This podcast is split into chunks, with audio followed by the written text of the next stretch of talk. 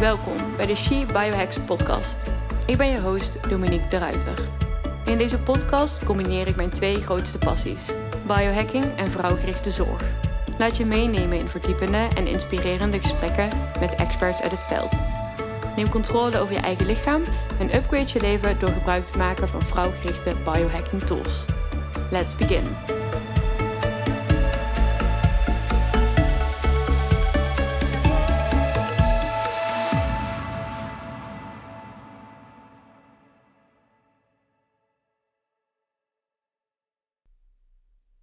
En welkom terug bij weer een nieuwe podcastaflevering van de She Biohacks podcast. Vandaag ga ik in gesprek met trauma, release en ademcoach Dominique Bouters. Dominique faciliteert zowel één op één sessies als medegroepsessies, waarbij ze mensen ondersteunt om weer terug in verbinding te komen met hun eigen lijf. In deze podcast gaan we in gesprek over de thema's ademwerk, veilig kunnen verbinden met jezelf, de rol van de psoasspier, want daar werk je veel mee, en het verwerken van spanningen en trauma's vanuit een meer lichamelijk perspectief. Welkom, Dominique. Dankjewel. Wat mijn naamgenoot. Ja. ik vond het ook zo gek om net jouw naam in mijn schermpje te zien toen jij mij belde. Van, hé, hey, Dominique, het klinkt een beetje raar, maar ook Ja. wel leuk. Ja, maar ik, ik belde jou en ik zei ook echt, hey Dominique. Terwijl het, het klinkt sowieso niet natuurlijk om de, heel, om de hele naam Dominique te zeggen eigenlijk. Ik zou, het was van, een beetje vanuit de snelheid, maar normaal zou ik misschien wel zeggen Do of Domi of... Ik vind Dominique ook wel een beetje een lange naam. Ik ook. Maar noemt niet iedereen jou Do? In ieder geval bij mij... Gaat... Bij jou sowieso, hè? Ja, Bij mij... praktijknaam, praktijk Do genoemd. Dus Precies. daardoor noemen mensen mij al gauw Do. Do. Maar daarvoor eigenlijk ook al. Ja. Het gewoon lekker makkelijk is. ja, de meeste mensen, mijn, zeg maar, mijn inner circle noemen me meestal Domi. Op de een of andere manier noemen mensen mij vaker Domi. Dus misschien klinkt dat ook lief. iemand tegen mij. Ja, ik wil jou eigenlijk liever, liever Domi noemen, want dat klinkt liever. Toen zei ik, nou ja, ik vind het allemaal prima, Do, Domi. En mijn moeder, Ja. die noemt mij Dominique hier.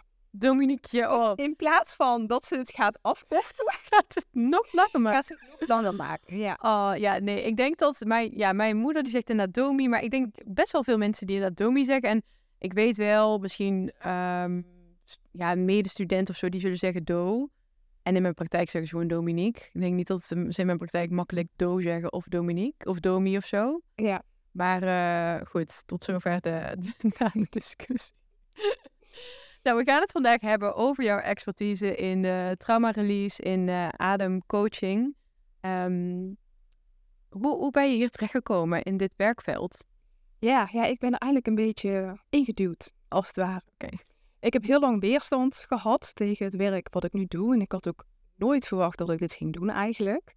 Eh, maar ik kon er op een gegeven moment niet meer onderuit. En eh, ik kom uit de bedrijfsbeeld. Ik heb accountancy gestudeerd zelfs, dus echt iets totaal anders. En er zijn wel een aantal momenten geweest die echt een zaadje hebben geplant, wat mede ja, oorzaak is geweest tot eigenlijk wat ik nu doe. En de allereerste is dat ik per ongeluk bij een ademsessie terecht kwam. Per ongeluk. Per ongeluk, ja. Dat heb je al een keer verteld, gelukkig. Dat je per ongeluk terecht... Per ongeluk, ja, ook hoe kan het? En ik was totaal niet bekend met ademwerk of de adem of wat dan ook. En ik was toen lid van een yogaschool en ik had een onbeperkt eh, abonnement. En ze hadden dus ook een ademsessie, dus ik had me daar gewoon voor aangemeld. En op dat moment had ik best wel veel stress voor mijn werk. Dus ik had best wel veel spanningsklachten en ik, ik ging naar die sessie, geen idee wat ik ging verwachten. Ik dacht gewoon iets yoga-stijl-like. Dus gewoon Mhm. iets lekker ontspannend of bewegend. In ieder geval iets van yoga. En ik kwam in een best wel intensieve ademreis terecht. En op dat moment ging er zo'n wereld voor mij open. Ik vond het zo fantastisch. En ik voelde zoveel verbinding met mezelf. En zoveel spanning uit mijn lijf vloeien. Het was niet dat er veel emoties loskwamen, maar ik vond het echt mindblowing eigenlijk. En op dat moment voelde ik ook van, ik wil dit doorgeven aan andere mensen. Dat was zo'n sterk innerlijk gevoel. Maar ik dacht ook meteen, dat gevoel heeft iedereen. Precies. Iedereen denkt nu hetzelfde. Iedereen wil dit doorgeven aan andere mensen. Dus iedereen wil dit doen.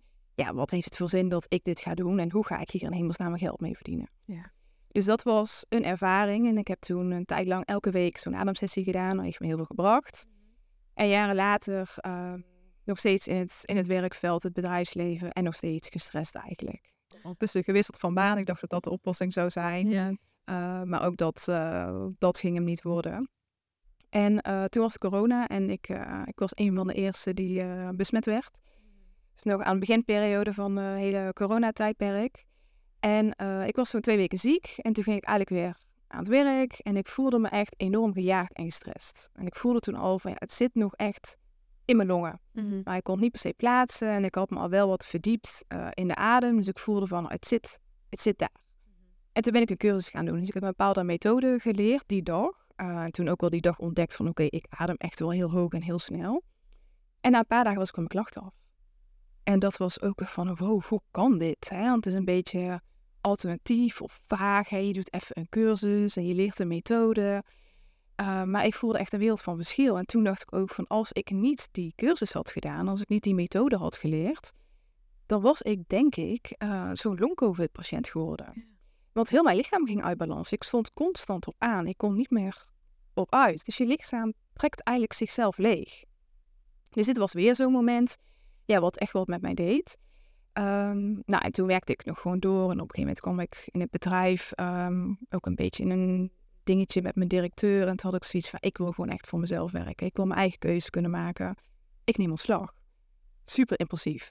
Nou, het, het, het wreef natuurlijk al wel een tijdje. En ik merkte ook wel van, ah, ik heb super veel fascinatie voor het lichaam. Ik wil graag voor mezelf werken. En ik heb nu stress. Ik neem ontslag. Dus ik belde mijn manager op van, ja, je hoeft mijn contract niet te verlengen, want ik stop.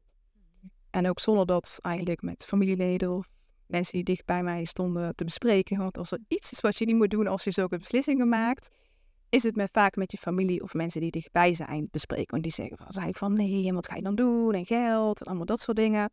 En ik merkte ook van ja, mijn, mijn werk um, is een te grote last. Het geeft me eigenlijk te veel stress om nog ruimte te hebben om iets anders op te zetten. Dus ik heb maar één kans, één mogelijkheid en dat is gewoon ontslag nemen. En ik had toen nog geen idee wat ik ging doen. Dus dat was best wel een onrustige periode ook. Um, ja, hoe lang gaat het duren? En welke richting ga ik op? En ja, toen ben ik gewoon gaan doen eigenlijk. En uh, toen heb ik iemand benaderd die een eigen praktijk heeft. Van hey, um, tof wat je doet. En zou je misschien openstaan om een keer koffie te drinken? Want ik ben gewoon heel benieuwd um, nou ja, naar wat jij doet. En ik, ik denk dat ik zelf eigenlijk ook wel zo'n richting op wil. En hij stond er eigenlijk helemaal voor open. En hij zei van nou kom maar langs. En uh, toen zei hij eigenlijk tegen mij van, ja, als je wil mag je wel bij mij stage komen lopen. Dus ik was echt van, wow, fantastisch. Wat leuk dit aanbod. En uh, nou, daar heb ik toen zoveel geleerd. En toen ben ik ook de cursus die ik ben gaan doen, waarmee ik eigenlijk van mijn coronaklachten afkwam, daar ben ik een jaar opleiding gaan volgen. En dat was echt een ademopleiding van Ja. een jaar. En zo is het eigenlijk een beetje gaan rollen. En eh, toen heb ik een massagetafel gekocht voor thuis. Ben ik ook een cursus gaan doen in een soort van... Het heet Access Bar, zo ontladen Mhm. van het hoofd. Heel relaxed, iets wat ik nu al totaal niet meer doe. Ehm, en zo ben ik eigenlijk gestart. Ja. En is het eigenlijk een beetje eh, gaan rollen. En ik doe nu al iets heel anders. eh, wat ik ook totaal niet had verwacht dan waar ik mee begon. Ja. Maar mega veel geleerd over, eh, over onder andere dus de adem. En ook heel erg verdwaald geraakt in ademland. Ja. Dus ik begon aan die opleiding. Dat is natuurlijk een bepaalde methodiek die je, die je leert, een bepaalde visie. Ehm, maar ik begon mezelf ook vragen te stellen: van, ja, maar wat is nu eigenlijk een goed adempatroon? En wat iedereen kent tegenwoordig wel, Wim Hof, ehm, of ook die methode die ik daar leerde. Veel ademen door de mond. Maar wat heel kritisch kijken naar, maar wanneer adem je nou eigenlijk goed? Mhm. En dan doe je een oefening, maar is dat dan een goed adempatroon? Hoor je dan zo te ademen? En ik ging er meer verdiepen en ik raakte eigenlijk nog meer verdwaald. En toen dacht ik, oké, of ik stop nu, of ik ga juist nog meer diepte in. En toen werd ik echt een junkie, een ademjunkie. En ik eh, begon te lezen, ik begon me aan te melden op allerlei flora. Ik begon meer opleidingen te volgen. Ik ben op een gegeven moment zelfs naar Stockholm gevlogen. ehm, voor een seminar waar onder andere James Nestor was. En er waren echt ademexperts van over heel de wereld. En daar ben ik dagen geweest. Tot ik op een gegeven moment op een punt was van oké, bijna elke vraag die er komt of elk probleem, daar weet ik eigenlijk wel een beetje een antwoord op. En ik weet nu echt wat een goed adempatroon is. En nog steeds denk ik dat we er nog veel er niet over weten. Hè, dus dit is mijn ervaring, mijn kennis van dit moment. En toen merkte ik van oké, nu voel ik me comfortabel genoeg ehm, om hiermee te gaan werken. Want ook de verbonden ademsessies, eh, wat je eigenlijk doet, je gaat heel erg overademen. Dus eigenlijk je gaat bewust hyperventileren met hele mooie resultaten. Maar is het wel zo goed voor het lijf? Dus ik ging heel kritische vragen stellen. En op een gegeven moment ehm, was er in Stockholm dus een wetenschapper. Nou ja, een wetenschapper is niet helemaal bekend met verbonden adem. Mhm. ehm, die heel veel expertise heeft op CO2. Ja. Op koolzuur of koolstofdioxide. Kan Kan je, voordat je daarover uitlegt, eerst even vertellen wat we doen met de verbonden ademhaling? Ja. Ik kan me voorstellen dat mensen die luisteren niet, uh, misschien niet, nog niet weten wat een verbonden ademhaling ja. is. Ja, en dan mag jij vertellen over die wetenschap uit Stockholm. Ja, ja, ja. Nou, eigenlijk wat je normaal doet, we hebben adem natuurlijk 24 uur per dag en onbewust. Um, hoop ik dat je door je neus ademt. En adem eigenlijk rustig in, heb je een klein beetje een pauze, adem je gewoon rustig uit. En dat gaat eigenlijk de hele dag zo door. En je merkt eigenlijk niet eens vaak dat je een lichte pauze hebt. Nou, wat je bij een verbonden ademsessie gaat doen, je gaat eigenlijk zoveel mogelijk lucht ventileren. Dus zoveel mogelijk lucht door je lichaam heen ademen. Eigenlijk simpel gezegd, zoals het ook verbonden ademsessie heet, je gaat de adem verbinden. Dus je gaat in en uit achter elkaar verbinden. En dat kan wel verschillende tempo's zijn. Uh, soms door de neus in, door de mond uit, maar vaak door de mond in en uit. En wat er dan gebeurt, je krijgt veel meer lucht naar binnen dan dat je lichaam nodig heeft. En eigenlijk komt er minder zuurstof in je lijf. Eigenlijk, om het heel plat te zeggen, er komt gewoon minder zuurstof naar je hersenen. Um, waardoor je ego een beetje aan de kant gaat. Het denken gaat een beetje uit. En allerlei onbewuste uh, patronen, ervaringen, sensaties kunnen omhoog komen. En je brengt je lichaam ook gewoon compleet uit balans. Ook je pH-waarde, daar wordt flink aan uh, aangetrokken. Dus je lichaam wil het weer helemaal in balans brengen. Het is ook best wel intensief. Um, en er zit ook iets magisch aan. Er zit ook iets aan wat uh, nog onverklaarbaar is, als het ware. Dus dat is eigenlijk een uh, verbonden ademsessie. En die heb je tegenwoordig op allerlei verschillende manieren. Wim Hof is daar een hele bekende van. Dat is echt heel kort en krachtig. Wat rondjes verbonden ademen met een adempauze. Nou, perfecte methode als je even rust, rust in je hoofd wil. Zou ik trouwens niet iedereen adviseren om dagelijks te doen. Nee. En dat is weer mijn visie op, uh, op Wim Hof. Um, dus dat is in principe een verbonden ademsessie. En die kun je dus ook een reis maken. En dan, nou, dan kun je zowel drie kwartier lang verbonden, uh, verbonden ademen op muziek, uh, individueel, in groepen, bepaalde thematieken. Nou, er zijn allerlei smaken, geuren en ja. vormen van. Ja. Dus dat is een, een verbonden ademsessie. Ja. En doordat je dus zoveel gaat ademen, blaas je dus in principe al, of in ieder geval heel veel CO2 af. Dus we ademen zuurstof in en we ademen CO2 uit. CO2, dat kent iedereen wel. Als je fles rood hebt en je draait hem open, dan hoor je dat geluid, zeg maar. Die CO2, die wil eigenlijk gelijk weg. En dat is ook zo in je lijf. Als je inademt, die CO2 wil... En die gaat meteen eigenlijk naar die ingeademde lucht. Of je ademt uit en dan adem die CO2. Dan blaas je eigenlijk die CO2 ja. af. En deze wetenschapper, um, die zegt dus juist dat CO2 heel belangrijk voor je is. Dus ik dacht, ik ga naar die wetenschapper toe en ik ga eens vertellen wat ik doe. En ik vond het heel spannend, want ik stond er ook voor open dat hij tegen mij kon zeggen van, ja, dit is gewoon hartstikke slecht voor je lijf en dit moet je gewoon echt niet doen. Dus ik ging naar hem toe en ik vertelde van, nou, ik geef dus verbond ademsessies en we gaan heel intensief ademen. Nou, hij wist natuurlijk meteen van, je, je verliest heel veel CO2 en hij heeft een heel boek geschreven over juist CO2 en het belang daarvan en de gezondheid en noem maar op. Nou, hij zei ook tegen ik heb er nooit van gehoord. Ik dacht van, oh jee. En dan moet je dus in Engels gaan uitleggen wat je doet. Wat ik doe. En op een gegeven moment... Maar je zei niet, ik pak even een matje en ik laat het hier zien. Nou, op een gegeven moment ging het wel een beetje die richting op. Um, nou, dus ik uitgelegd wat ik doe. En, um, ja, en hij, hij, hij was wel open. Dus hij zei wel van, nou oké, okay, ik, heb, ik heb dit nog nooit gehoord. Dus hij was ook wel nieuwsgierig. Nou, dus ik vertelde ook wat ik, wat ik deed. En hij zei ook van, oh, ik kan het fysiologisch ook echt verklaren in het lichaam wat je doet. En toen zei hij ook van, aan het lichaam beschermt zichzelf heel erg. Dus zodra jij echt te veel CO2 zou afblazen en er komt echt te weinig zuurstof naar je hersenen, nou, dat klinkt natuurlijk heel heftig, uh, dan zal jouw lichaam het altijd resetten. Dus het ergste, eigenlijk het ergste wat er gebeurt is je, je gaat oud. Dus je valt eigenlijk flauw, of waarschijnlijk lig je. Um, dus je lichaam reset zichzelf en die zegt dat is helemaal niet schadelijk. Dus ben maar niet bang je kan dit gewoon doen. En toen zei hij op een gegeven moment ook, ja, er komt steeds meer wetenschappelijk onderzoek over trauma. En als met dit soort methodes je trauma kunt ontladen uit het systeem, dat heeft zoveel effect op je lichaam. Toen vroeg hij op een gegeven moment een kaartje. Nou, die had ik niet bij me. Dus hij, dat was wel heel tof. En dat gaf me ook wel uh, een stukje zekerheid. En ook wel mooi om zo kritisch te kijken naar, oké, wat ik doe. Hè, er zijn misschien allerlei docenten, ervaringen die positief zijn, maar toch wil ik het ook van een kritische kant bekijken, zodat ik echt, als ik die sessies geef, um, erachter sta ja. wat ik doe. Ja, je wil natuurlijk veiligheid uh, inbakenen in je, in je sessies, want je werkt natuurlijk met veel spanning en trauma in het lijf. En ja.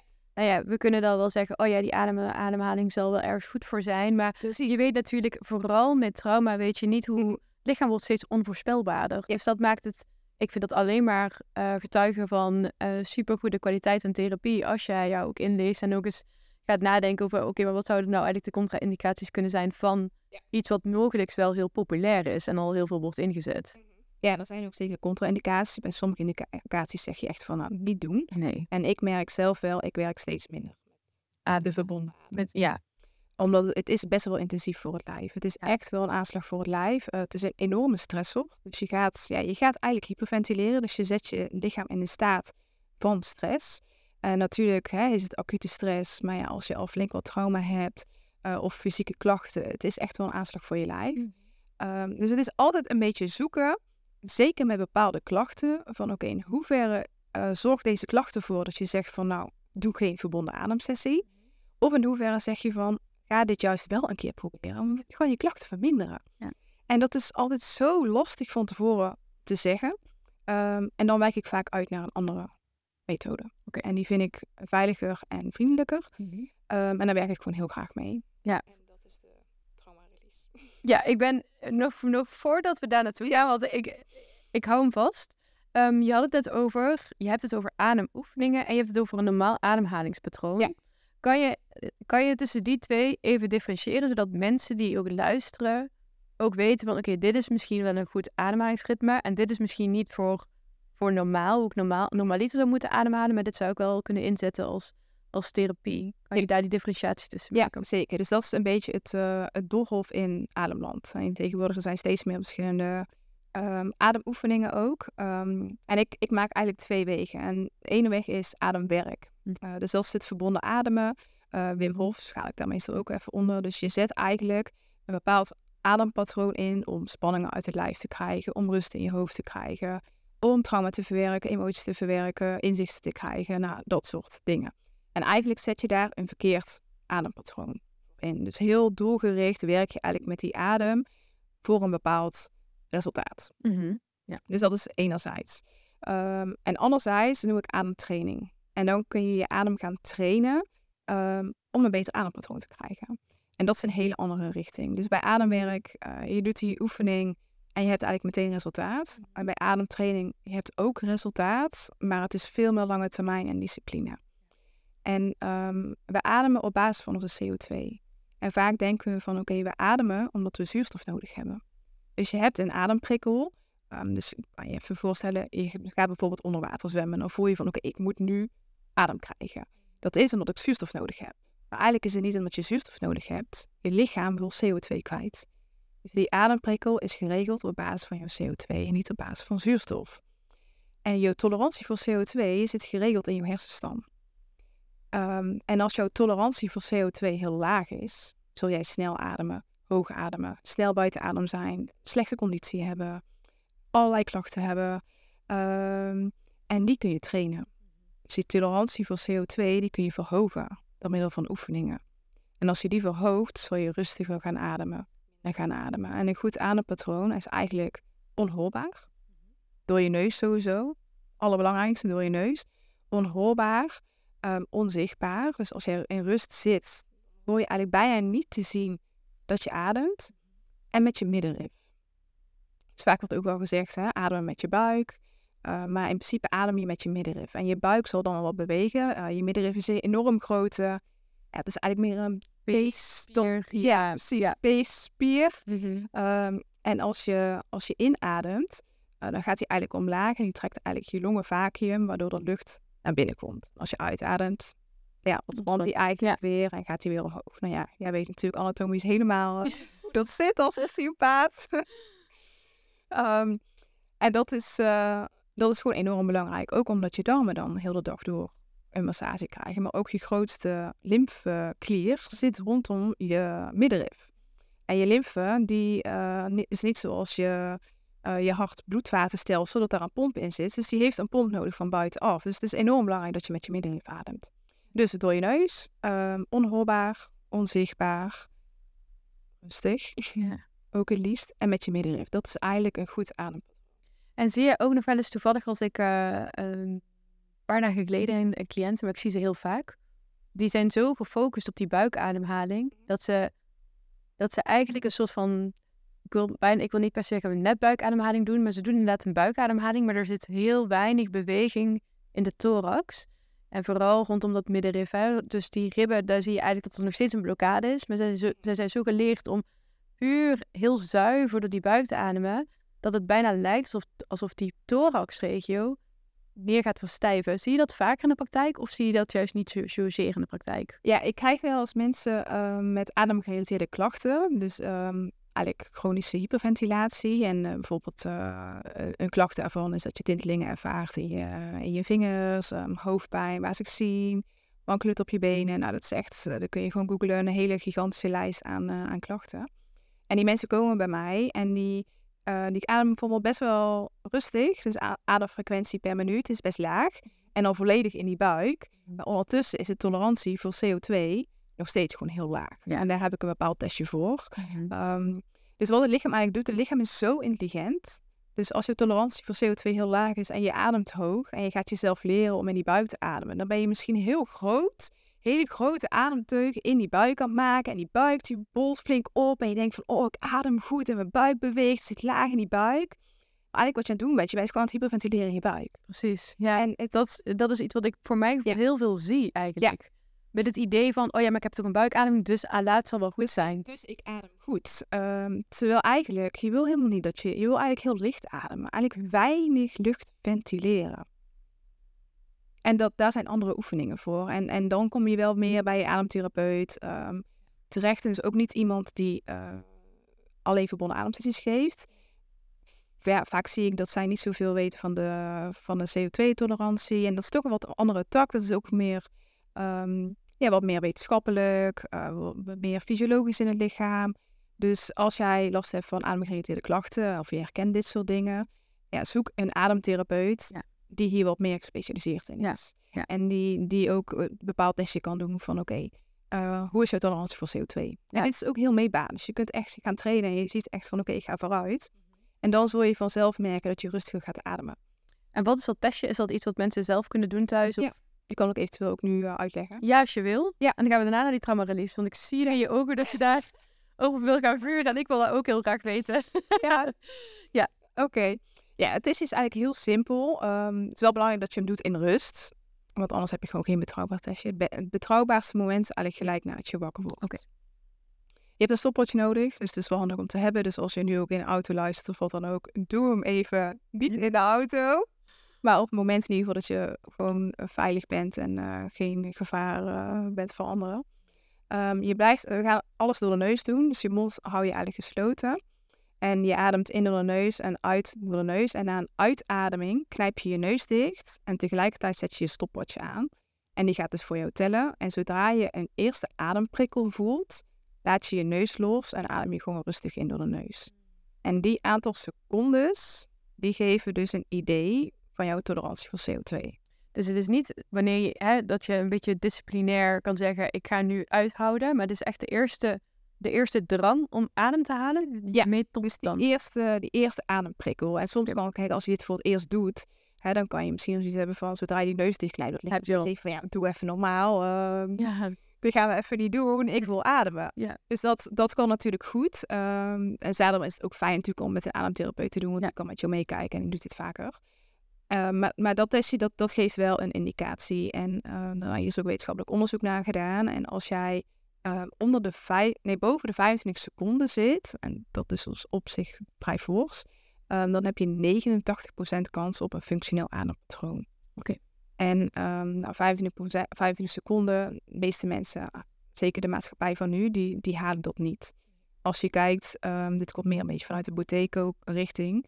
Uh, vroeger zaten mensen veel meer boven die 25 seconden. En ook toen ik op dat seminar was, vertelden ze ook, dat is dan vanuit... Uh, eh, de literatuur voor, voor artsen, de ademfrequentie per minuut. Die hebben ze gewoon verhoogd wat normaal is.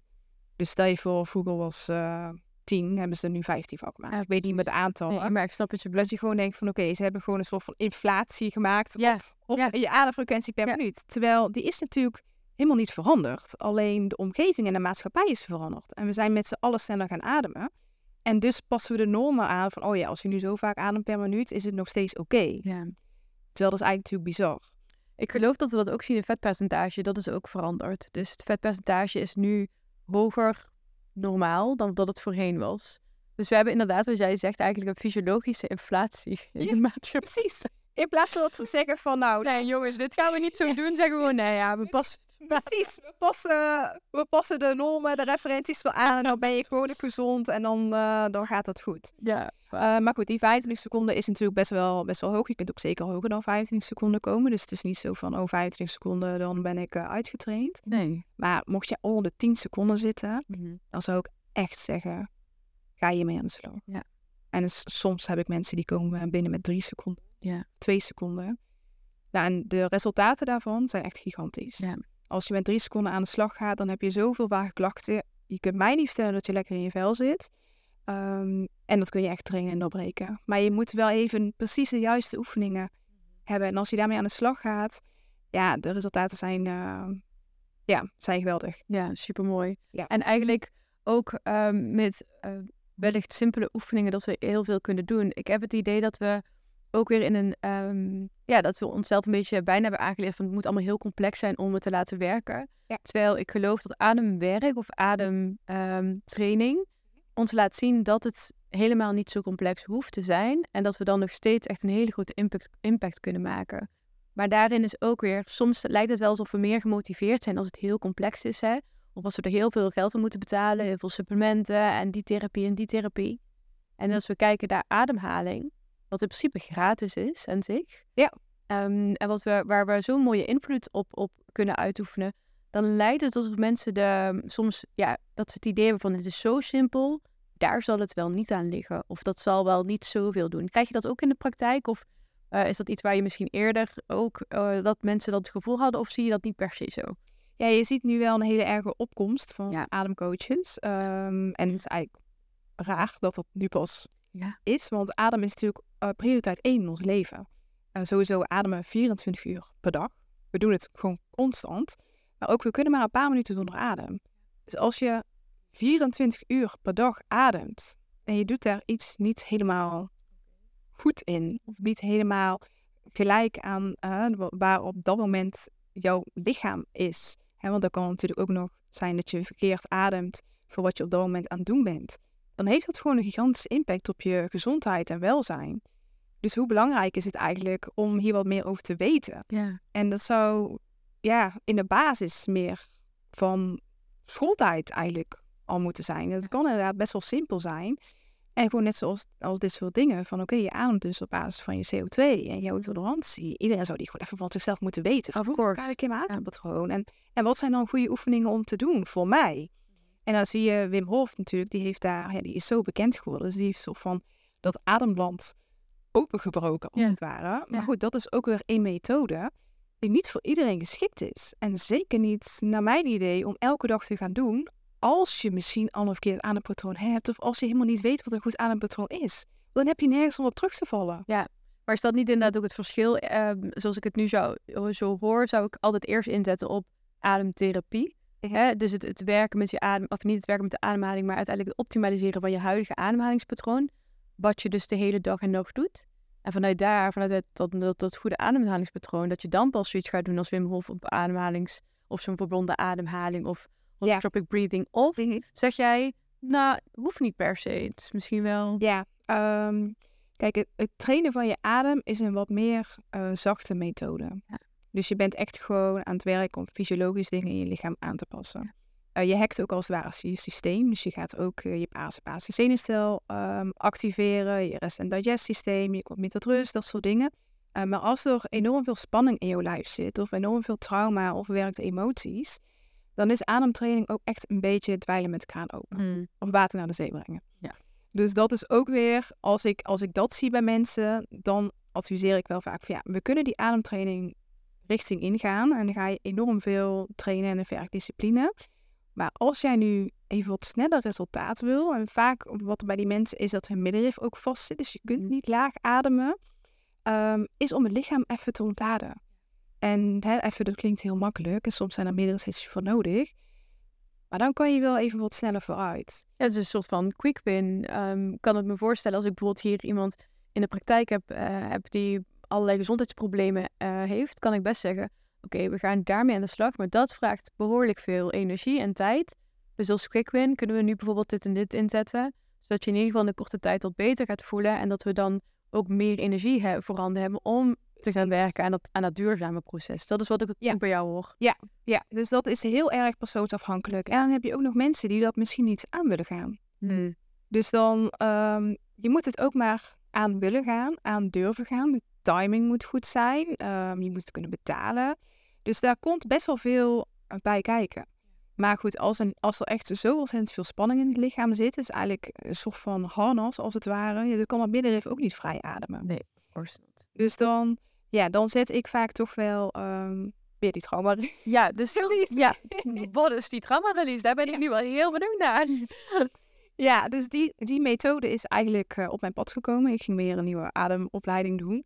En deze methode was onderdeel van die opleiding. Dus ik had helemaal niet de intentie om daar echt mee te gaan werken. Of ehm, van, oh, daarvoor ga ik die opleiding doen. Dus hij, eh, hij kwam eigenlijk gewoon een beetje op mijn, eh, op mijn pad.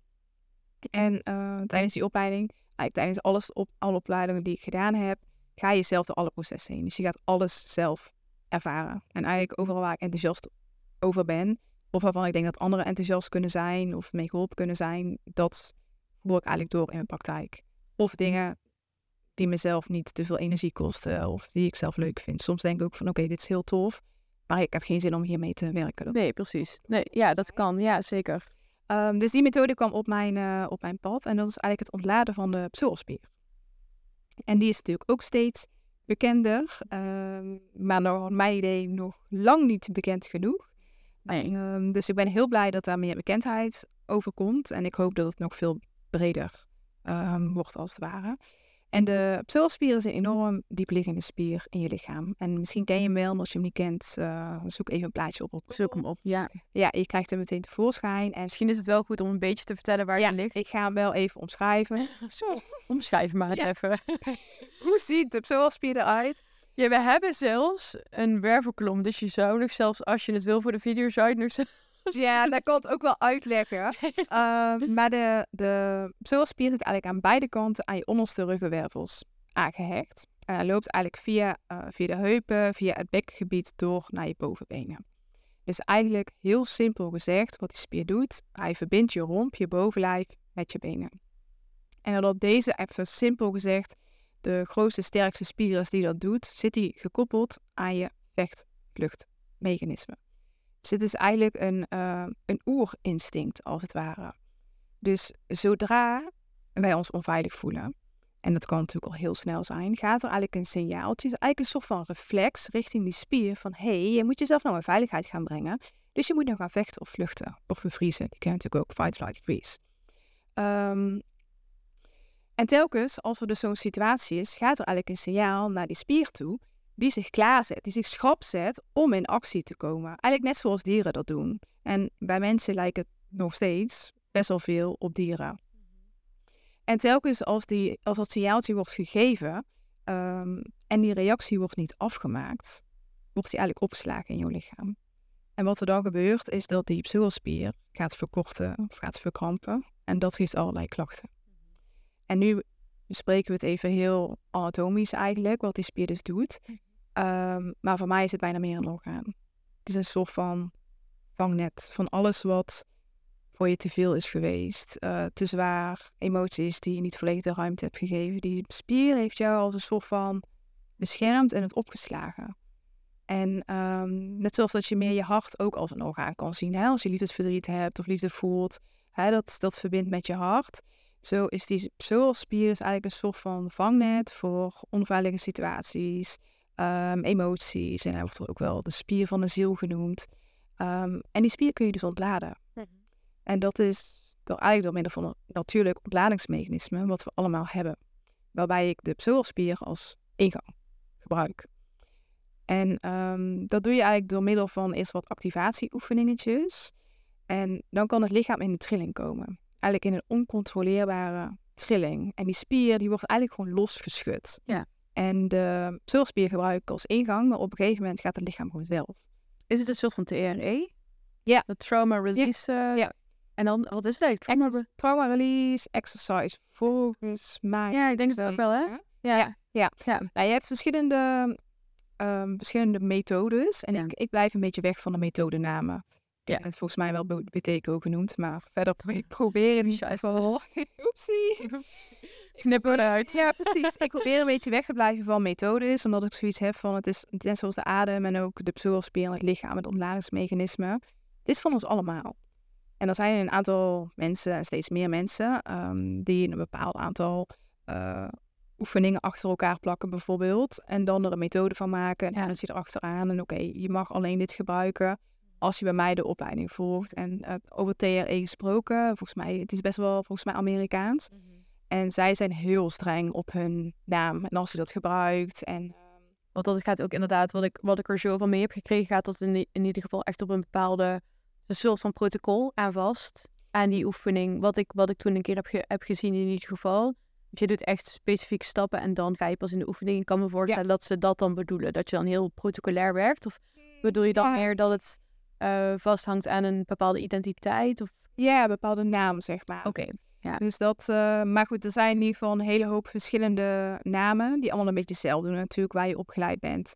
Hè, en daar heb je dan een bepaalde expertise van uitgekregen. En ondertussen heb ik helemaal mijn eigen ding ervan gemaakt. En ik Ja. voeg er van alles in. Ik Ja. voeg er innerlijk kindwerk in. Ik voeg er systemisch werk in. Ja. Dat voeg ik allemaal gewoon in die trauma-release. Dus ik maak er mijn eigen methode van. Ja. Eh, maar vooral wat mij gewoon een beetje hindert, is van ja, we werken met het lijf. En we hebben allemaal een lijf. En we hebben allemaal onze adem. En terug naar de basis hebben we allemaal dat ontladingsmechanisme. En ademen we allemaal op basis van die CO2. Laten we niet te veel methodes. En natuurlijk, het kan ook een fijne handvat zijn. Hè? Dus dat is ook gewoon heel fijn. Ehm, maar ja, ik heb er ondertussen zo mijn eigen ding van gemaakt. Dat ik het niet helemaal meer een methode nee, noem. Noem. Nee. Maar trauma, ja, trauma release. Ja, dat is En trauma elke, ehm, elke sessie ziet er zo anders uit. En ik heb zoveel verschillende manieren om in te steken. Ja, Dat het ook heel wisselend kan zijn. of course, maar dat is het ook. En als je dan eh, aangeeft, eh, we werken met het lichaam. eh, ik heb hier op, op een hele dag met cliënten, zie ik nooit dezelfde behandeling. Het kan wel eens zijn dat ik natuurlijk hetzelfde zie bij cliënten. Dat vind ik altijd wel grappig. Soms heb je echt dagen dat je alleen maar dit ziet. Of alleen maar het andere ziet. Maar bijna iedere behandeling is anders, omdat ieder lichaam anders is. Ook al Ja. komt, komen er vijf mensen achter elkaar met dezelfde klachten, dan nog gaan we vijf keer iets totaal verschillends doen. Maar om even terug te komen op die trauma release. Want nu ga ik heel even op, het, op de zetel zitten van de duivel. Ehm, ik weet even niet of dit spreekwoord goed uitspreekt, maar Allah, ik ga het gewoon met... Past wel, ik ben ook heel slecht in spreekwoorden. Dus je moet het niet bij mij checken. Ik zet, hem zo, ik zet hem gewoon even zo in. Maar naar mijn idee denk ik van ja, nou die psoas, maar eh, als we kijken naar fight, flight, freeze, eh, nou dat is, volgens mij zijn er nog meer kaders daarin. Eh, maar dan, dan zijn er meer spieren die daar een rol in spelen. Die kuitspier, die hamstring, die, vooral dat TMG, dat, die, die kaakspieren. Ja. Ehm, de onderarmspieren, de handspieren. Wat, die handspieren, wat, waarom, waarom die, die psoas? Ja, nou die, die psoas, ehm, die gebruik, gebruik je dus eigenlijk als ingang. Ja. Dus je zult merken, ehm, dus eigenlijk je lichaam is altijd in het nu. Ja. En ehm, dus die psoas die gaat eigenlijk ontladen en die kan in een bepaalde herinnering komen. Dus een bepaalde herinnering die onveilig was. En dat kan al zijn vanuit de kindertijd bijvoorbeeld. Want oké, ik heb me toen heel onveilig gevoeld. En eigenlijk wat ik toen had willen doen, hè, wat het lichaam eigenlijk gewoon wil doen als het in onveiligheid is, is vechten of vluchten. Hm. Of bevriezen. Ja. Ehm, dus het kan zijn dat, jou, dat het lichaam teruggaat. Eigenlijk, ook al is het lichaam in het nu, maar dat die herinnering eigenlijk weer naar het nu wordt gehaald. Ja. En voor het lichaam maakt het eigenlijk niet uit of jij dus twintig jaar geleden hebt gevochten of gevlucht, of in het nu. Ja. En wat er dan gebeurt, is dat het lichaam alsnog die reactie wil afmaken. Dus dat betekent dat het lichaam wil gaan vechten of vluchten. En dan komen dus al de spieren erbij. En dan ga je dus echt vechten of vluchten. Dus je wil gewoon weg, inderdaad. Je benen die gaan meewerken, die vuisten die spannen aan. En je gewoon rammen, die boosheid die gaat eruit. Dus dan gaat je lijf ehm, dat eigenlijk alsnog afmaken. En die vecht-vluchtreactie, die wordt voltooid. Het lichaam heeft zichzelf in veiligheid gebracht, waardoor er enorme ontlading is en je voelt je letterlijk lichter. Ja. En ik heb ook wel eens eh, gehoord dat ehm, er is natuurlijk, er zijn altijd twee kanten. Terwijl ehm, ik, ik geloof zelf enorm in dit werk. Ik geloof in dat we gewoon echt met dat zenuwstelsel mogen gaan werken. En er is gewoon een, een opslag van herinneringen. En uh, dat geef ik ook dagelijks terug aan cliënten. Op het moment dat zij dus echt, je ziet dat heel duidelijk, hè, de manier waarop ze zich, zich um, naar jou toe, um, ja, hoe moet ik dat zeggen? De manier waarop ze eigenlijk alleen al in de praktijk binnenkomen, de manier waarop ze uit hun ogen kijken. Eigenlijk zie je al in dat lichaam, of aan dat lichaam van eh, in welke staat zit dat lijf. Zit dat in een staat van veiligheid, of in een staat van fight, of flight, of freeze, of befriend, of uh, whatever. Um, en dan heb ik ook wel eens vaker zo'n uh, oefeningen gedaan. Ik zie dat bijvoorbeeld wel vaker terugkomen in, ook wel bijvoorbeeld in de tantra-wereld, waarin er heel erg wordt gericht op van, we have to release the trauma en we, we moeten het eruit schreeuwen en stampen. En um, waar, uh, want het kan natuurlijk ook zijn dat die mensen dan eigenlijk alleen maar meer geactiveerd worden. Ja. Uh, hoe kijk jij hier tegenaan en hoe integreer jij dat stukje het weer tot rust brengen van het zenuwstelsel in jouw behandelingen? Mm -hmm. Ja, dat zie je natuurlijk uh, tegenwoordig heel veel. Het is hè, populair om dat soort uh, sessies te doen. Sowieso, ik ben, um, mijn visie is als je er geen last van hebt, lekker laten zitten. Dus werk echt alleen op, op stukken waar je echt klachten van hebt. Of oké, dit hindert mij zodanig. Of ik kan geen fijn leven leiden. Ga daarmee aan de slag.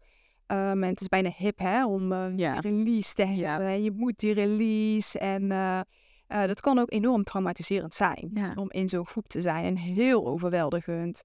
Um, dus bij dat soort dingen ben echt dicht bij jezelf. Van oké, okay, waarom doe ik het? Waar ga ik naartoe? Wat wil ik, wat wil ik daaruit halen? Of wil ik het gewoon een keer ervaren? Dat is allemaal prima. Maar getraumatiseerde mensen die in zo'n omgeving komen, die eigenlijk al een helemaal ontregeld zenuwstelsel hebben en die dan in zo'n heftige situatie komen, die kunnen eigenlijk enorm getriggerd worden ja. en eigenlijk uh, getraumatiseerd.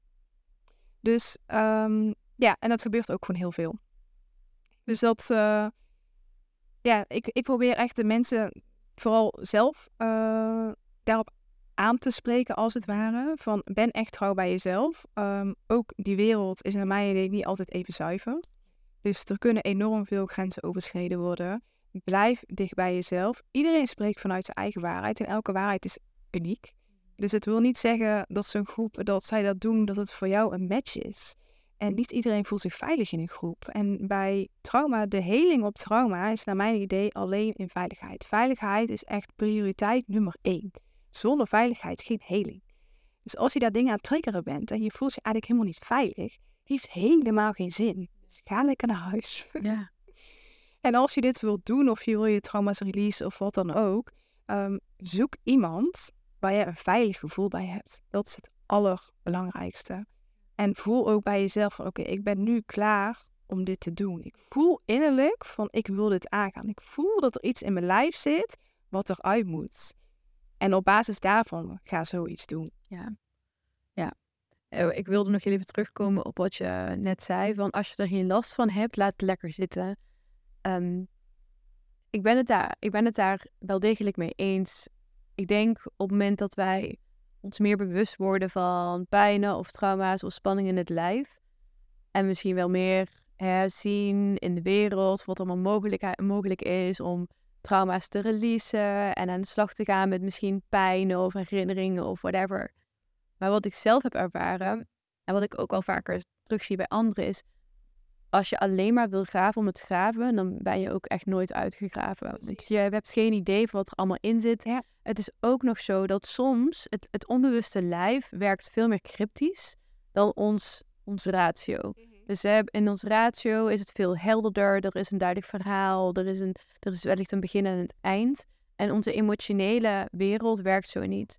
Dus als we gaan graven en graven en graven, dan komen we soms bij dingen uit en dan maken we daar iets van met onze ratio. Terwijl dat totaal niets te maken hoeft te hebben gehad met ook iets wat er is gebeurd. Of wat je hebt ervaren. En ik heb dat zelf zo ervaren dat ik voor lange tijd zo aan het zoeken was van iets wat ik bijvoorbeeld had ervaren. En uh, dat je daar ook weer van in de knoop kan raken. Maar meer vanuit het weten van ja, maar moet je dit allemaal willen weten? Ja. En, en in hoeverre, in hoeverre krijg je dan ook echt de waarheid? Of is het niet gewoon inderdaad een stukje, ja, een deeltje van een deeltje van een deeltje? Ehm, dus dat wilde ik daar ook nog wel even op inhaken van... ehm, ja, we kunnen wel blijven graven en graven tot in ons wegen. Maar of je dan daar ook echt beter uit gaat komen, hm, Ja, dat is echt een vraag. ehm, of je daar fijner bij gaat voelen. Ja. Dus je kunt inderdaad oneindig doorgraven. Ja. Ehm, en zelfs tot eh, hè, familietrauma, dingen in je DNA, dingen in je tijd dat je niet meer kan herinneren. En je kunt oneindig, oneindig doorgaan. En eh, we leven nu ook eenmaal op aarde. Ja. En we zijn mens. Ja. Met ons onderbewustzijn. En we doen heel vaak dingen waar we misschien niet altijd even blij mee zijn. ik niet. Ik ook niet, dus ik weet eigenlijk niet waar dat het zegt. Ja, maar en ehm, we gaan ook nog heel veel shit meemaken in ons leven. Dus ziekte, overlijden. De, de wereld is ook zo oneerlijk. Ja. Dus als je er geen last van hebt. Ja. En, en, en wel als je ermee bezig bent ook. Hè, want je kunt ook ehm, eh, bezig bent zijn met bepaalde trauma's helen. Of een bepaald traject zitten of wat dan ook. En een soort van je leven on hold zetten. Want ik ben nu dat aan het doen. Maar je leeft, je leeft hier maar één keer. Ja. En hoe meer ik eh, die diepgang ook inga. Hoe meer ik het plezier ook opzoek. Ja. En denk van ja, we zijn hier één keer. Lekker, lekker nuchter dingen doen. Ja. Ik kan er zoveel meer van genieten. Echt heerlijk. Maar, maar oprecht, het, is, het is, moet, moet continu die, die balans zijn van. En ehm, ik vraag me ook oprecht af of het continu graven en Ja. het graven en het zoeken naar trauma's en pijnen niet gewoon een symptoom is van een onveilig zenuwstelsel of van een, van een geactiveerd zenuwstelsel. Want als ons zenuwstelsel geactiveerd is of hebben, hebben het gevoel dat we stress hebben, dat we niet veilig zijn, ehm, dan gaan we natuurlijk nog veel meer alert zijn. En dan, gaan we, dan gaan we naar dingen zoeken die die onveiligheid bevestigen. Dus ik heb daarin soms ook het idee dat eh, als we alleen maar graven om het graven, wat natuurlijk een beetje in de spirituele wereld heel erg wordt be- aan wordt gemoedigd van eh, en je moet dit nog helen, en je moet dat nog helen en voor je, voor je voorouders moet je dit nog helen en whatever en voor je komende kinderen en whatever. Ehm, dat er ook gewoon inderdaad dat dat ook heel vaak niet zuiver is. Maar waarom, waarom heb jij continu die, die drang om maar te moeten graven? Ja, en dat kan ook gewoon weer een patroon zijn. Of course, ja. En noemen ze ook wel spiritual Bypassing. Ja, nou, eh breek me de bekken niet over. Maar het is ook wel gewoon het gevaar van de persoonlijke Ja. ontwikkelingswereld. Ik, ik merk het zelf nu, ik ben wat meer aan het verdiepen in voeding. En het geeft me ook een partij onrust, joh. Ja. Dat ik echt denk van, iedereen zegt iets anders. Kijk, met adem is het voor mij best wel makkelijk. Dan weet ik gewoon van, oké, dit is gewoon een goed adempatroon. En ehm, je, je gaat gewoon terug naar een paar basisdingen, zeg maar. Dan komt eigenlijk alles op hetzelfde uit. Zit ook gewoon wat wetenschappelijk onderzoek achter. En ik kan het gewoon zelf ehm, heel snel in mijn lichaam ervaren. Ja. Dus bijvoorbeeld met supplementen of voeding. Kijk, met adem, al- als, als we nu ademoefening doen, Mhm. uh, je gaat meteen merken, je hartslag reageert erop, je autonome zenuwstelsel reageert. Je kan meteen zelf checken bij jezelf van, oké, hoe voel ik me en wat doet het met me? Maar met voeding, nou, Mm. en iedereen zegt wat anders. De een zegt, blauwe bessen, is helemaal goed voor je. Beste fruit om te eten, antioxidanten ten top. Volgens ergens anders zie ik weer blauwe bessen niet te eten. Een van de meest bespoten fruitsoorten komt uit Chili en wordt daar eh, geplukt terwijl het nog niet rijp is. En dan zegt de een weer zuivel en de ander zegt de ander, ja, je zuivel of yoghurt is juist wel heel goed voor je darmbacteriën. Ja, ik raak helemaal verdwaald ervan. Nou ja, dus ik ben dan nu, hoe lang ben ik nu met voeding bezig? Ik denk, ehm, ja, tien jaar. En ik verdwaal nog steeds vaak. Maar ik wil daarin wel even attenderen, is ehm, wat ik meestal, oké, over in voeding zie je altijd, er is een bepaalde balans. Er is een bepaalde balans tussen nutriënten en antinutriënten. Dus je hebt, je hebt, eh, je hebt eh, weet ik veel, ik zeg maar van melk. En er zitten nutriënten in. Dus er zitten ook Ja. voedingsstofjes in die, waar ons lichaam hey, happy van wordt. Maar er zitten ook stofjes in waar ons lichaam niet zo happy van wordt. Heb je blauwe bessen. Dan heb je nog het verschil tussen blauwe, de biologische blauwe bessen en de bespoten blauwe bessen. Blauwe bessen, blauwe, blauwe bessen. Blauwe bessen, ja echt. hè. Ehm, en da- dat maakt ook een verschil uit. En uiteindelijk moeten we goed kijken. Oké, als we kijken naar de voeding, dan moeten we een paar dingen begrijpen. Wat is het meest in lijn met hoe wij, hoe ons lichaam functioneert? Dus dan moeten we eigenlijk kijken naar de, naar de, naar de echte mensenvoeding, dan hebben we nog steeds te maken met, die, met de moderne invloeden op die mensenvoeding. Maar dan bij die echte mensenvoeding, daar raak ik dus al verwacht. Ja. Want sommigen zeggen van, nou oké, dat zijn groente en fruit. Ja. En anderen eh, zeggen, ja, dat is vlees. Ja. Want groenten, Ja. die groeien en die beschermen zichzelf. Ja. Dus die hebben bepaalde gifstoffen, dus die moet Ja. je niet eten. Ja. En anderen zeggen, ja, maar eh, dieren moet je niet eten. Ja. Dus wat, wat is nu menselijke voeding? In principe eten mens, en dat is, dat is gewoon bewezen, we zijn geen carnivoren en we zijn geen veganisten. Dat zijn we gewoon niet. Dus we moeten een mengelmoesje hebben van die verschillende, verschillende aspecten. Dus we moeten dierlijke voedingsmiddelen eten en we moeten ook planten eten. Maar als we verder kijken naar de evolutie, je moet je voorstellen, wij leven hier al best wel lang. Misschien niet helemaal als mens, maar we leven eigenlijk al vanaf Homo sapien tot aan nu. Dat is een best behoorlijk lange tijd.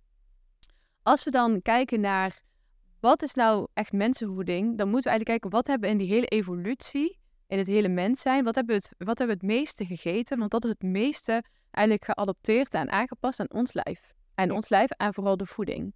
Nou, wat we zien is dat we bijvoorbeeld voornamelijk knollen en wortelen aten. Dat we voornamelijk langs de zee en langs de rivieren, dat we daar die kleine visjes aten. Dat we voornamelijk kleine zoogdieren aten. Dus die voedingsmiddelen zijn veel meer dat is mensenvoeding. Dat is echt voeding voor ons. Maar ik snap wel de, de, dat het complexer wordt, want de mensenvoeding die eerst zo menselijk was, die is inmiddels niet meer zo menselijk, want die wordt inderdaad bespoten. Ehm, op het moment dat mensenvoeding, als we dat moeten halen uit Chili, en eh, het heeft totaal geen, geen ruimte gehad om te rijpen, dan kan je je afvragen in hoeverre is daar nog iets van over van die mensenvoeding. Maar ik denk dat je het al heel erg goed doet, als je, want als je even gaat bedenken, pasta kan je niet achterin de struikjes vinden. Of eh, een linzenburger. de dingen die ik lekker vind. Een linzenburger ga je... Appeltaart. Die zou ik volgens mij wel vorige week ergens liggen. Ik denk appeltaart. Ik, zou, ik ga even, even intunen met mijn voorouders. Ja, precies. Ik, ik denk wel dat dat goed moet komen. Ergens naast de rivier. eh, Een appeltaartje. een appeltaartje. Met slagroom. Slagroom alsjeblieft, ja. Lekker warm uit de oven. Ja. Ja, precies.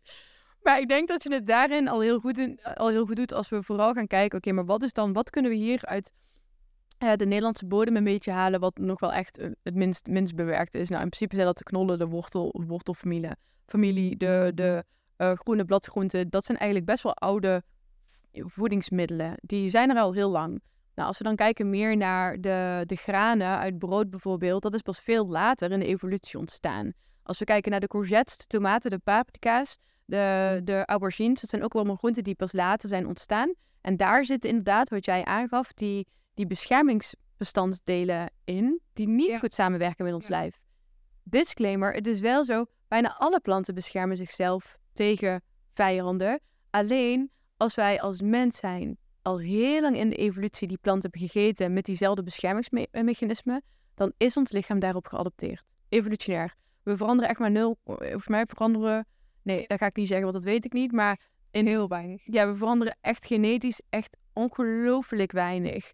Ehm, dus wij denken, als we nu al kijken naar drie generaties terug en nu, dat ons eten is totaal, dat staat nergens op hoeveel verschil daartussen zit.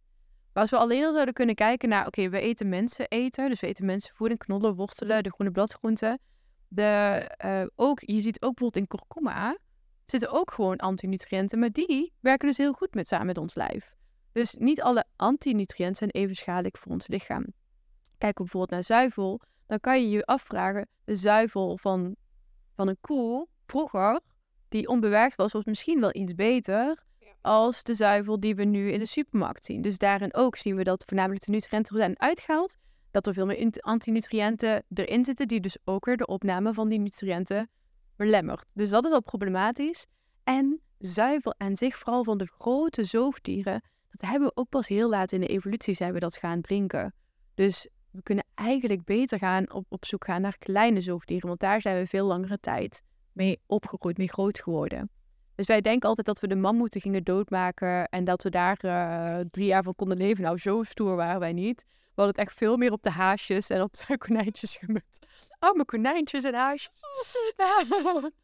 En we hadden het veel meer gemunt op de schaal- en schelpdieren, want we gingen echt niet een uur in die fucking zee zwemmen op zoek naar een haai om op te eten. Dus de, de, we, we zouden weer eens moeten kijken van, oké, maar wat is nou mensenvoeding?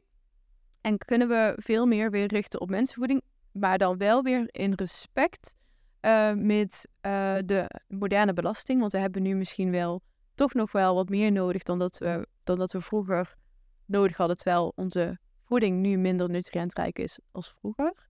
En we moeten ook kijken, dat, en daar ben ik me heel erg van bewust, dat in de ene persoon inderdaad wel misschien een tendens heeft om eerder meer planten te eten of eerder meer vlees. En dat moeten we wel respecteren. En dat is ook een beetje wat genetisch terug te vinden is. Ehm, je, hebt, je kan gewoon je genen testen en kijken van hè, welke enzymen. Ja, Dat wil ik dus wel eigenlijk een keer super interessant. doen. Maar de basis is eigenlijk het eten van mensenvoeding. Ja, en eigenlijk als je daar al naartoe gaat, dan, dan zit je al best wel goed. Dat is merk eigenlijk al mij, best wel goed. Ja. ehm, dat ik me dan ga verdiepen. En dat is dan best wel een verandering in mijn eetpatroon. Ja. Ehm, wat ook energie kost om Of aan te Ja. passen. En, Ja. en, maar dan wil ik het eigenlijk te perfect doen bij. Ja. Dat ik juist terugval op meer suikers en zo. Dus het is echt die kleine stapjes. Ja. Maar ja, interessant. Ja, En je weet er eh, een hoop van zo te horen. Ja. ja, dat is ook nou toch wel een tijdje studeren, denk ik. Maar dat is denk ik hetzelfde met ademhaling. Ik denk oprecht, eh, dat is hetzelfde met muziek. Als jij naar een festival gaat en er wordt muziek gedraaid die jij niet tof vindt, carnavalsmuziek voor mij dan, dan klinkt ieder nummer hetzelfde, toch? En ik Ja. heb geen idee of dat ene nummer anders klonk dan het andere nummer. I, I have no clue. Maar ga ik naar een festival waar ik de, bijvoorbeeld de muziek ken, ah, dan weet ik, oh ja, dat is het verschil. En dat is het verschil. En dit is het verschil. Dus hoogstwaarschijnlijk omdat jij al heel erg in de ademhaling zit, heb je zoiets van, ah, oké, daar kan ik me, daar heb ik duidelijkheid in. Maar altijd als we iets nieuws gaan leren, wat jij ook precies had toen je net startte met die ademhaling, altijd, absoluut, altijd als je iets opnieuw gaat leren, dan ga je eerst moet je door het doolhof heen navigeren. En er zijn ook heel veel mensen die echt klinkklare bullshit verkopen, met alle respect. Maar die mensen zijn er wel. Ze zullen het vast met een heel goed hart proberen te doen. Ja. Het is, er zit vaak gewoon heel weinig kennis. En die willen ze dan heel graag overbrengen. Maar dan weten ze eigenlijk niet zo goed waar die kennis vandaan komt. En dan krijgen we toch wel problemen. Daar moet je een beetje doorheen zien te ronselen. Dan kom je op een gegeven moment in een soort van... Oh ja, dit kom ik steeds weer opnieuw tegen. Deze processen die kloppen. Die, hè, als ik dan weer ga onderzoeken in de wetenschap, dan klopt dat ook.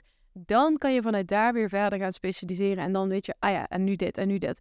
En dan komt er op een gegeven moment een, een moment dat je zegt... Ja, maar jij gaat mij dat niet vertellen, want ik weet die kennis nu en die kan ik integreren. En het gaat natuurlijk ook om hoe je je erbij voelt.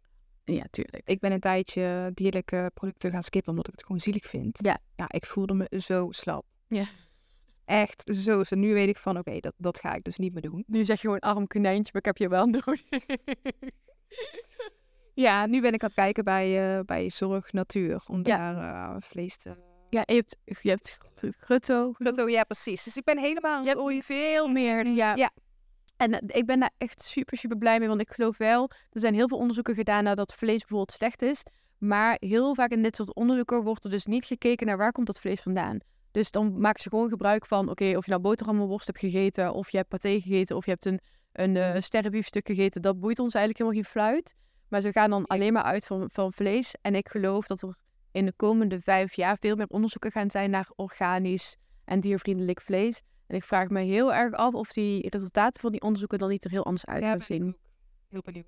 Ja, dus ehm, ja, Die, kijk, ik vind het nog steeds zielig. het is ook zielig. eh, maar de dierleed is natuurlijk wel anders. Oh, Als je, ja, als je een hamburger eet van een koe die gewoon buiten in de natuur heeft. Ja. Ja, die je vorige week nog zo Gut. Maar je hebt dus ook bij Gutto, dan, je, dan heb je zo'n koe staan. Ja. En dan kies je dus van, oké, dat wil ik bestellen. En dan zie je dus dan dat, dan, dat die koe meer verkocht is. En denk je, Ja. oké, ik, ik draag er nu dus aan bij dat die koe geslacht is. Dat vind ik dan zo zielig eigenlijk. Maar dat is super hypocriet om dan vervolgens bij de Jumbo wel gewoon Ja, maar dit is, een is hamburgertje te kopen. Ik geloof oprecht wel dat dat onze verbinding met de natuur veel meer versterkt. Want je hebt veel meer. We hebben in de hele evolutie vlees gegeten, maar we hebben wel veel meer eerbetoon getoond aan die dieren en wat die dieren voor ons betekenen. Net zoals hetzelfde als dat, we, dat de planten ons gaven. Dus ik heb het idee dat als wij nu juist weer meer in contact gaan komen met de dieren die wij eten, Mhm. dat we ook met veel meer eer en met veel meer bewustwording eh, het, dat voedsel tot ons nemen. En ik weet dat er ook nog een website is, de Stoerderij. Die heb Ja, ik laatst, ik ja, Stoerderij heb ik laatst gecheckt. En zij hebben dus inderdaad, eh, volgens mij, buffel, hoe heet Ja, volgens mij waterbuffels. Ja, waterbuffel. En zij hebben dus ook, dan kan je een beetje die, die, die ja, roedel staat nergens op de kudde, kan je dan volgen. En dan zie je dus ook ja, welke, welke buffels er allemaal zijn en hoe die dan heten. En ja, prachtig eigenlijk om te zien. Ja. Uh, ook alweer pijnlijk, maar misschien moeten we dat juist wel hebben om ons meer... Ik heb het idee als ik de supermarkt in, binnenloop en ik koop vlees, dat de consequenties, die zie ik niet. Precies. Je ziet niet dat, dat, die, dat die dieren zijn mishandeld. Of wij niet dat het een dier is. Nee. Nee. Maar als jij naar, uh, je, je gaat naar een boerderij, naar de, naar de stoerderij bijvoorbeeld, en je ziet die waterpuffels ja. in de wijn staan, en je koopt je vlees, ik geloof oprecht dat dat ja. heel veel doet met ons, met ons onderbewustzijn, maar ook met, met, de, met de relatie tot voeding. Dat we niet meer zo massaal gaan consumeren, maar dat we daar meer bewust mee omgaan. Dus ik denk dat dat zelf wel een hele goede is. Ja, vind ik ook. Mijn laatste vraag. Want we zijn inmiddels ongeveer een uurtje aan het praten. Nee. Niet normaal snel. Ja, toch wel. Niet mijn laatste vraag. Ik denk mijn ene laatste vraag. Mijn ene laatste vraag. Wat is, wat is iets wat jij doet? Of wat is iets wat je misschien op dagelijkse basis doet of zo? Wat iets wat jij heel belangrijk vindt om die verbinding met jouw lijf en jouw emotionele wereld te voeden of te, te behouden? Mhm. Ja, dat is voor mij ook iets wat constant verandert. Dus uh, jaren geleden, toen kon ik echt meer op, op ratio en een ochtendroutine doen bijvoorbeeld. Oh, je doet dit en je doet dat en je doet dat. En natuurlijk voel je je daar beter door. Maar nu leef ik veel meer van, oké, wat, wat heb ik nu nodig? Wat, wat past nu bij mij in de fase waarin ik zit?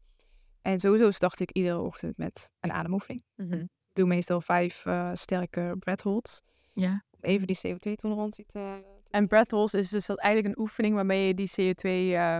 Ja, dus je gaat gewoon zo lang mogelijk je adem inhouden ja, eigenlijk. Okay. En dat, dat zorgt wel meteen voor... Um, ja, voor de rest van mijn dag dat mijn adempatroon terug is. Of ik, of ik ga heel rustig ademen. Dus dan doe ik eigenlijk altijd wel een oefening.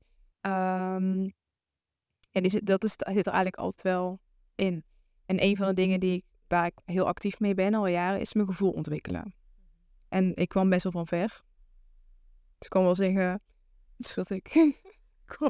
ik zie ook echt die ogen van, ik kwam echt van weg. echt van ver. En ik van, wat voel je? Oké, okay, ja. Uh, nou, nu kan ik, ja, nu ik, ik, ik leef eigenlijk mijn leven op basis van mijn gevoel. En dat is zo fijn en dat geeft zoveel vrijheid. Dus dat is niet iets waar, waar ik elke dag voor ga zitten, maar waar ik wel heel actief mee ben. Van oké, okay, wat voel ik? En als ik een emotie voel, daar proberen bij te komen. En die volledig de expressie te geven.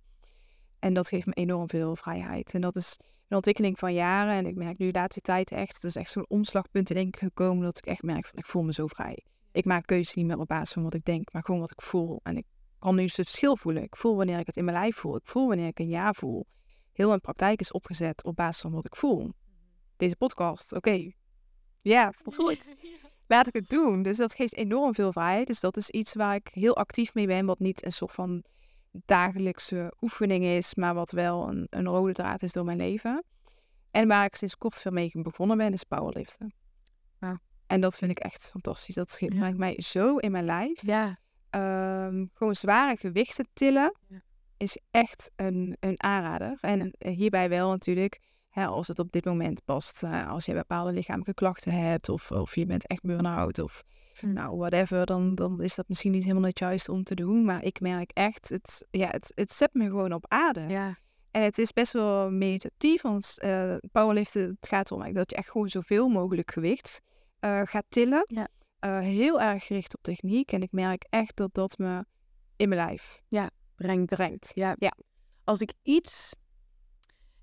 Als ik, als ik iets ervaar, ik kan, nou, ik kan, ik vind het moeilijk om een week uh, niet te mediteren. Dat vind, ik merk dat ik dan echt wel onrustiger ben. Maar ik vind het nog veel moeilijker om een week niet te sporten. Ja, ik vind, ik, denk ja. dat sporten zo vanuit spiritueel Mhm. opzicht of vanuit energetisch opzicht. Ik denk dat sporten zo underrated is in deze community, waarin er eigenlijk al uh, vaak alleen maar ruimte is voor yoga en zo. Bizar. Echt, als ik, als, als ik iets, als ik me ergens toch van voel dat ik weer terug ga in mijn lijf. Ja. En dat het zo'n switch kan maken in hoe ik me voel. Nou, dan is dat sporten wel. Ja. Ik, doe ik zeg dat ook wel vaker tegen mensen om me heen. Ik sport niet eens per se om, nou ja, ik vind het fijn om, het, om, om een fit lijf te hebben. Maar ik merk het ten eerste in mijn uh, mentale gesteldheid als ik niet zou sporten. Het is zo'n gigantisch verschil. En inderdaad, een beetje in die hè, spirituele wereld of yoga, meditatie. Maar spiritueel is voor mij echt je lichaam bewonen en op aarde zijn. Ja. En nou ja, als daar iets is wat daar enorm voor helpt, is dat eh, krachttraining voor mij dan. Uh, maar natuurlijk, je hebt allerlei verschillende vormen van sport. En belangrijk om iets te vinden wat, wat bij je past. Maar ja, het is echt ehm, dat ik ook denk van, eh, ik, heb, ik ben gestopt en toen ben ik veel danslessen gaan volgen. En toen ben ik andere ehm, vormen van krachttraining gaan doen, echt in een groepsles. Um, weet, bodypump of zo. Dan ga je echt telkens op een nummer en dan ga je ook veel squatten en allemaal dat soort dingen doen. Maar voor mij echt het zware gewicht. Ja, ja dat brengt mij echt uh, in mijn lijf. down to earth. Echt ja. down to earth. Gewoon. Trek je gewoon naar de aan. Ja, dus echt ga gewichten tillen. Echt de meest spirituele tip. Maar echt, die ik je kan geven. Ja. Maar ik vind het wel grappig, want ik heb ook wel een periode gehad. En dat is net wat, dat gevoel wat dan weer navigeert. Ik heb ook gewoon periodes gehad dat ik al zoiets had van ja, dan had ik inderdaad powerliften, dan had ik een soort van crossfit, dan ging ik veel meer weer hardlopen. Maar ik heb ook een periode gehad dat ik ging paaldansen. Um, ik heb ook een periode gehad dat ik alleen maar gewoon uh, een soort van uh, thuis hittrainingen deed. Ja. Maar dat was gewoon heel erg gevoelsmatig. En dat had ik dan ook echt zo nodig. Uh, dat je daarin ook weer kan navigeren van oké, okay, waar ligt die behoefte? En dat Precies. brengt je dan weer bij mogelijk powerliften. Of, ja. en, en dat zou ik ook nog wel de mensen willen meegeven die vooral misschien het gevoel hebben van oh ja, maar iets is niet spiritueel of iets wel spiritueel. Uh, als, we, als we daar al over in discussie gaan van hè, um, misschien is yoga meer spiritueel dan powerliften. Ja, dan, dan hebben we toch echt wel een verkeerde definitie van spiritualiteit. Ja. Want spiritualiteit is niet iets wat je doet of of hoe je, of hoe je praat, of um, hoe empa empathisch je mm -hmm. kan zeggen. maar het gaat ook... Zie er iets op je hart liggen? Ik kan je hartchakra voelen. ik voel je elkaar. Ja, je wortelchakra is een beetje, een beetje dus. Ik voel het. Oh, ik moet even ja, gaan. Even wat wortels in de adem. Nee, het gaat natuurlijk echt wel om wat jij zo mooi zegt. In die verbinding met jezelf zijn. En en uh, ook iedere dag uh, weer terug kunnen keren naar je, naar je eigen gevoel en je eigen waarheid. Ja, en naast uh, krachttraining moet ik wel zeggen, is het wel fijn om, om iets daarnaast te hebben wat je flexibel houdt. En ik, ja. ik doe dansen, bachata. Ja. Jata Sensual ben ik nu aan begonnen. Ja, zo cool. Ik zag het even op je Instagram. Ja, heel cool. Dat, dat um, is heel veel met, met je lijf. Uh, dus wel minder stapjes, maar heel veel body rolls. En dat ja. brengt me ook meer uh, richting sensualiteit en vrouwelijkheid ja. en bewegen. En ik, ik volg één les bewegen, dus dat valt wel mee. Maar ik denk dat ik elke dag dans thuis. Ja, wauw. En dan ga ik gewoon lekker de muziek aan en lekker flowen.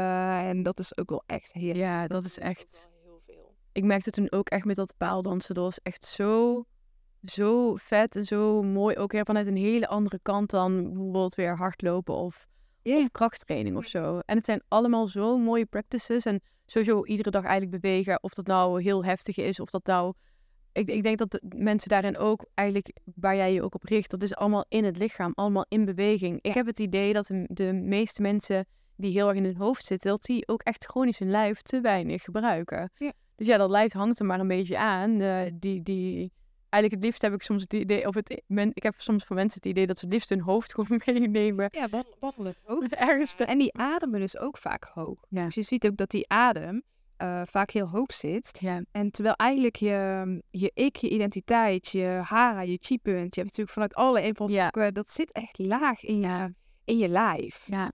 ja, mooi. Mijn laatste vraag voor deze podcast. Wat is iets wat je nog mee wil geven aan de luisteraar? Wat is, uh, misschien komt er iets naar boven of uh, misschien had je al iets dat je dacht van, nou, dat wil ik sowieso nog meegeven.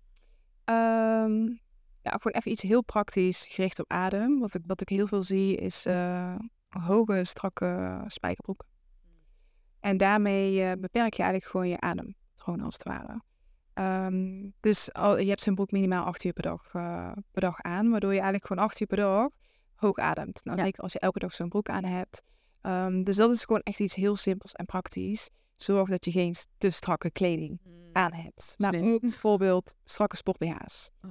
Zeker als je aan het sporten bent. Je lichaam heeft vrijheid nodig om te ademen. Ik wil niet zeggen dat je geen sport BH aan hoeft. Ik heb zelf... Free the boobies! Ja, ik ben jaren geleden al gestopt met uh, BH's dragen. Ja. Ook echt, maar ik merk, ik ben natuurlijk heel erg gericht op, op adem. Ja. Um, en ik merk het meteen bij mezelf als mijn adempatroon niet meer lekker loopt. Nou, ik merk het als ik een strakke broek aandoe. Uh, en ik draag gewoon strakke kleding, aansluitende kleding, maar wel als er iets in zit. Ja. Uh, of zo'n strakke sport BH. Nou, dat, voordat ik dat weer gecorrigeerd heb met, met oefeningen dat duurt wel eventjes. Ja. Dus dat is een praktisch vol aan vrouwen. Ja. Hè, want je hebt natuurlijk een meer gericht op vrouwenpodcast. Ja, ja. Uh, maar ook uh, de, de buikinhouden is iets waar we heel erg op geprogrammeerd zijn. Vaak ook onbewust die buik maar inhouden. Maar goed, als jij je buik inhoudt, kan dat middenrif al niet meer fatsoenlijk bewegen. Dus heb je alweer een verkeerd adempatroon. Ja. Dus echt zorg ervoor dat je vrij kunt ademen, dat je lichaam vrij is. Dat is gewoon super praktisch eigenlijk. Ja. En een andere, ehm, ja, wat is het, een tip? Nou, wat ik in ieder geval aan je mee zou willen geven is, kijk met zachte ogen naar jezelf. En dat ben ik, ik denk sinds een half jaar meer aan het doen. En dat is ook zo fijn. Je bent mens. Minimaal 90% van wat je doet, van hoe je leeft, misschien wel 95%, 97% is onbewust. En ook vanuit eh familiesystemen, bepaalde patronen die erin zitten. Dus, en wat natuurlijk allemaal meemaken in het leven en hoe we beïnvloed worden door de maatschappij, eh, door de drukte, maar ook door eh, gifstoffen, telefoon, noem maar op. Dus ben ehm, ja, compassievol voor jezelf. Dus als je chocoladereep opeet, ja, En je is de strakke spijkerbroek. iets van spijkerbroek, dan, ja, dan kan je ook tegen jezelf ja, ik had het blijkbaar nodig. In plaats van jezelf af te straffen. Ja. En dat afstraffen, dat, dat brengt je helemaal nergens. Dus kijk echt met zachte ogen naar jezelf. Mooi. Heel mooi. ja, maar echt. Ik vind de echte overgang ook prachtig van het strakke broeken naar met meer compassie naar jezelf kijken. Ik vond het een prachtig einde eigenlijk. Ja, oh, Ehm, ik, ja, ik vond het sowieso gewoon een prachtig gesprek. Eh, ik denk dat eh, degene die er naar luistert, dat die er alleen maar hartstikke veel aan gaat hebben. En eh, ik heb er weer heel veel van geleerd. Ik, eh, ik wil jou in ieder geval heel erg bedanken. En eh, ik hoop eigenlijk dat ik jou nog aan een keer, eh, nog een keer mag gaan spreken. Want we zouden eigenlijk nog over een onderwerp gaan hebben waar, ik, waar we het vandaag eigenlijk niet over hebben gehad. Eh, namelijk vrouwelijke energie. Daar zijn we eigenlijk wat minder op ingegaan. Dus Gewoon geen tijd voor. nee, dus die ga ik jou... Ja, nou, die is ook heel leuk. Dus een hele persoonlijke reis ingemaakt. Ja. Nee, dus daar gaan we het een andere keer over hebben. Ik wil jou in ieder geval heel erg bedanken. En aan de luisteraar, eh, ik wil jou ook heel erg bedanken voor het luisteren. Ik hoop ook weer dat je er heel veel uit hebt gehaald. Dat je bepaalde dingen meteen kan integreren. En dat je met meer compassievol, volle ogen naar, ja, ogen naar jezelf mag gaan kijken. Ehm, en eh, ja, ik zie jou heel graag terug weer in de volgende Ja, leuk. Ik vond het superleuk, dus bedankt voor de uitnodiging. Geen probleem.